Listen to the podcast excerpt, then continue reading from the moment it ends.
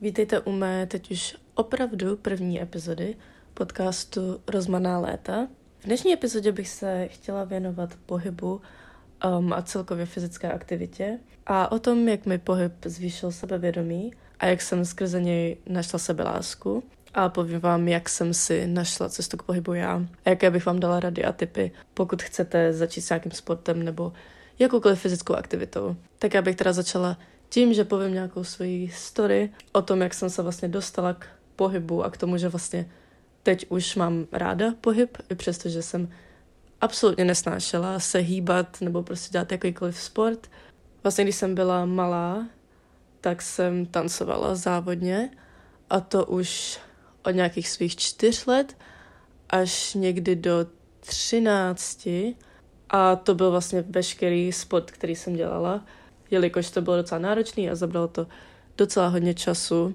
Každopádně s tancováním jsem přestala někdy ve svých 13 letech, protože už mě to nebavilo, nechtěla jsem to dělat a měla jsem nějaké zdravotní problémy. No ale potom jsem neměla vůbec žádný pohyb, jakože absolutně nic.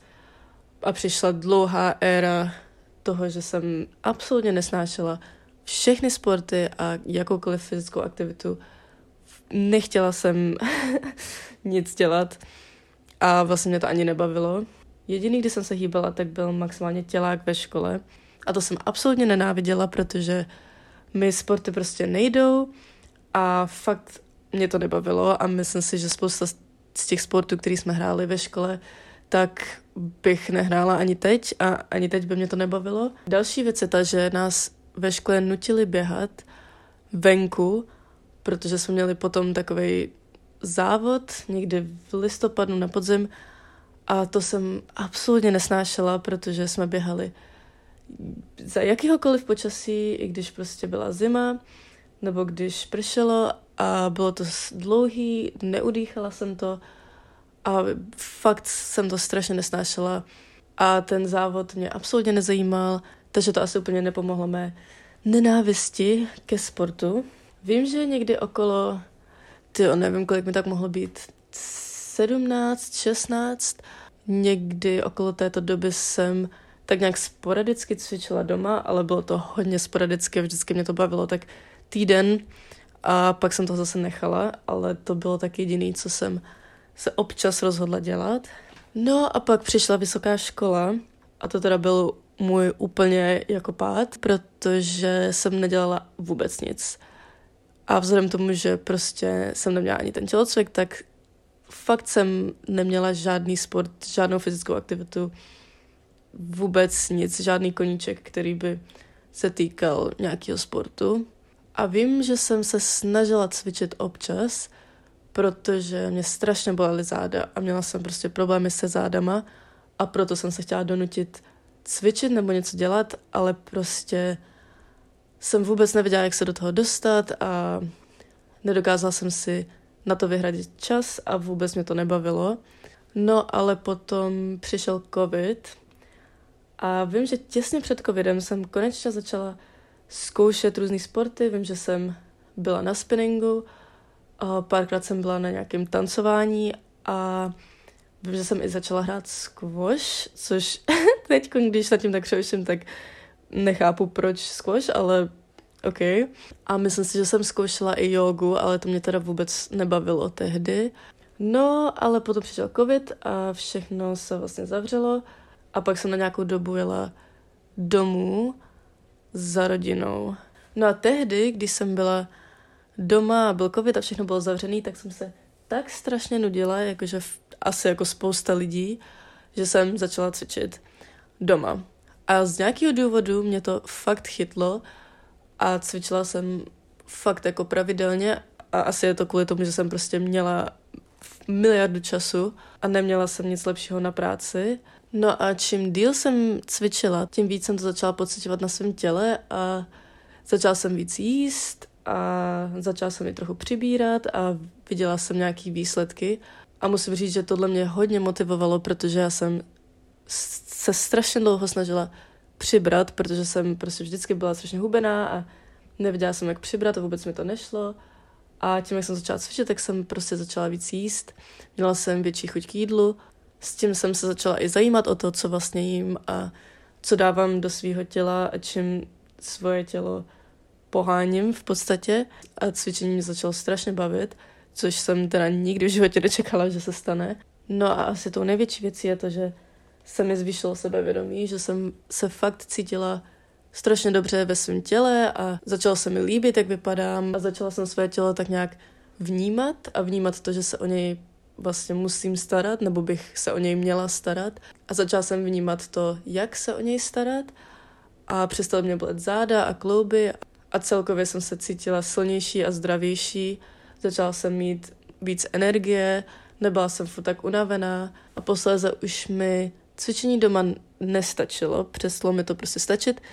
No a začala jsem chodit do gymu, což byla taky docela journey sama o sobě, protože si pamatuju, že jsem vždycky říkala, že nikdy, nikdy, nikdy nezačnu chodit do gymu, že mě do gymu nikdy v životě nikdo nedostane, protože jsem z toho měla takovou úzkost, že když jsem tam šla poprvé, tak jsem tam jenom vlezla, viděla jsem všechny ty lidi okolo sebe a hned jsem zase odešla. Vůbec jsem nevěděla, co tam dělám, co tam mám dělat a jak nějak začít, ale co mi pomohlo se přes tohle dostat, bylo hlavně to, že jsem si našla gym, uh, ženský gym, kam prostě chodí jenom ženy, nebo můžou chodit jenom ženy. A to byla asi největší věc, co mi pomohla. Neptejte se mě proč. A prostě mi to nebylo příjemný být v gymu mezi muži, hlavně ze začátku. A druhá věc, která mi taky hodně pomohla se dostat přes nějakou gym anxiety, nebo prostě začít tam chodit a začít něco dělat, bylo, že jsem šla s kamarádkou, která už trochu věděla, co a jak. A takže jsem nejdřív párkrát šla s ní a postupně jsem začínala chodit sama. A do gymu jsem se úplně zamilovala a teď je to moje asi nejoblíbenější aktivita, prostě chodit do gymu. A s gymem opět přišlo to, že jsem začala ještě víc jíst a začala jsem se starat o to, co jim. A co je dobrý na gymu je to, že prostě musíte odejít ze svého domu a cvičení doma občas si prostě řeknu, že budu cvičit a pak to neudělám, ale do toho gymu prostě musíte jít a dávám to nějakou rutinu a nějakou prostě strukturu do toho dne. A musím říct, že gym mi dal asi největší boost energie než cokoliv jiného.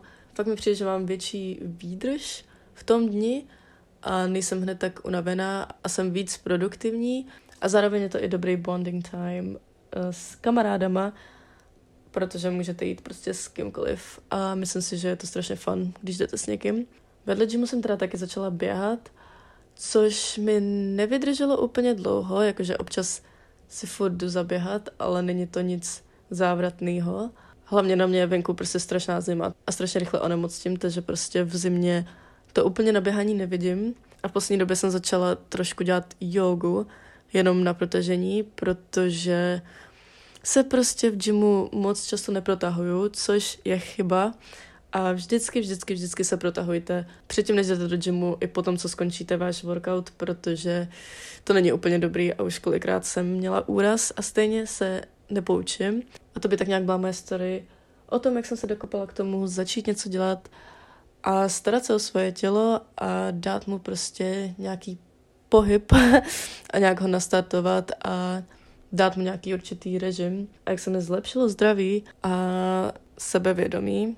Na závěr bych teda schrnula nějaké své typy, dejme tomu, k tomu, jak začít cvičit nebo jak se dostat k nějakému sportu nebo se dokopat prostě k tomu něco dělat, protože mě to trvalo léta, léta, léta a tohle jsou takové nějaké poznatky, které jsem pozbírala za posledních pár let. Myslím si, že to nejdůležitější, co mi trvalo strašně dlouho, je najít něco, co vás prostě baví, protože já jsem se z toho snažila vyzkoušet tolik a tolik sportů mě prostě nebavilo a nic mě nějak nenadchlo a, a u něčeho jsem dokázala vydržet. A musím říct, že gym je fakt místo, kde i když mi není úplně dobře psychicky, tak vždycky, když tam jdu, tak vyjdu šťastnější a je mi mnohem líp, než když mi bylo, když jsem tam přišla. Další věc, vystoupit ze své komfortní zóny, což je strašně jednoduchý říct, těžší to udělat, ale fakt jsem říkala, že nikdy, nikdy nebudu běhat a nikdy, nikdy nevkročím do gymu a udělala jsem obojí a stačilo jenom to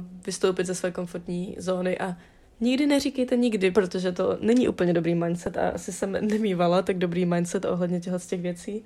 Další věc je si najít čas, ale jde prostě jenom o to si to nastavit jako prioritu a jak to občas dělám já, když se mi moc nechce, nebo když jsem prostě busy a mám nějaký busy den, takže si to prostě normálně dám do diáře a naplánuju si den tak, že si to tam opravdu dám beru to prostě jako nějaký appointment, dejme tomu, a mám to jako jednu z priorit, kterou chci prostě zvládnout v tom dni. Jedna z věcí, která mi hodně pomohla, je si prostě nastavit cíle.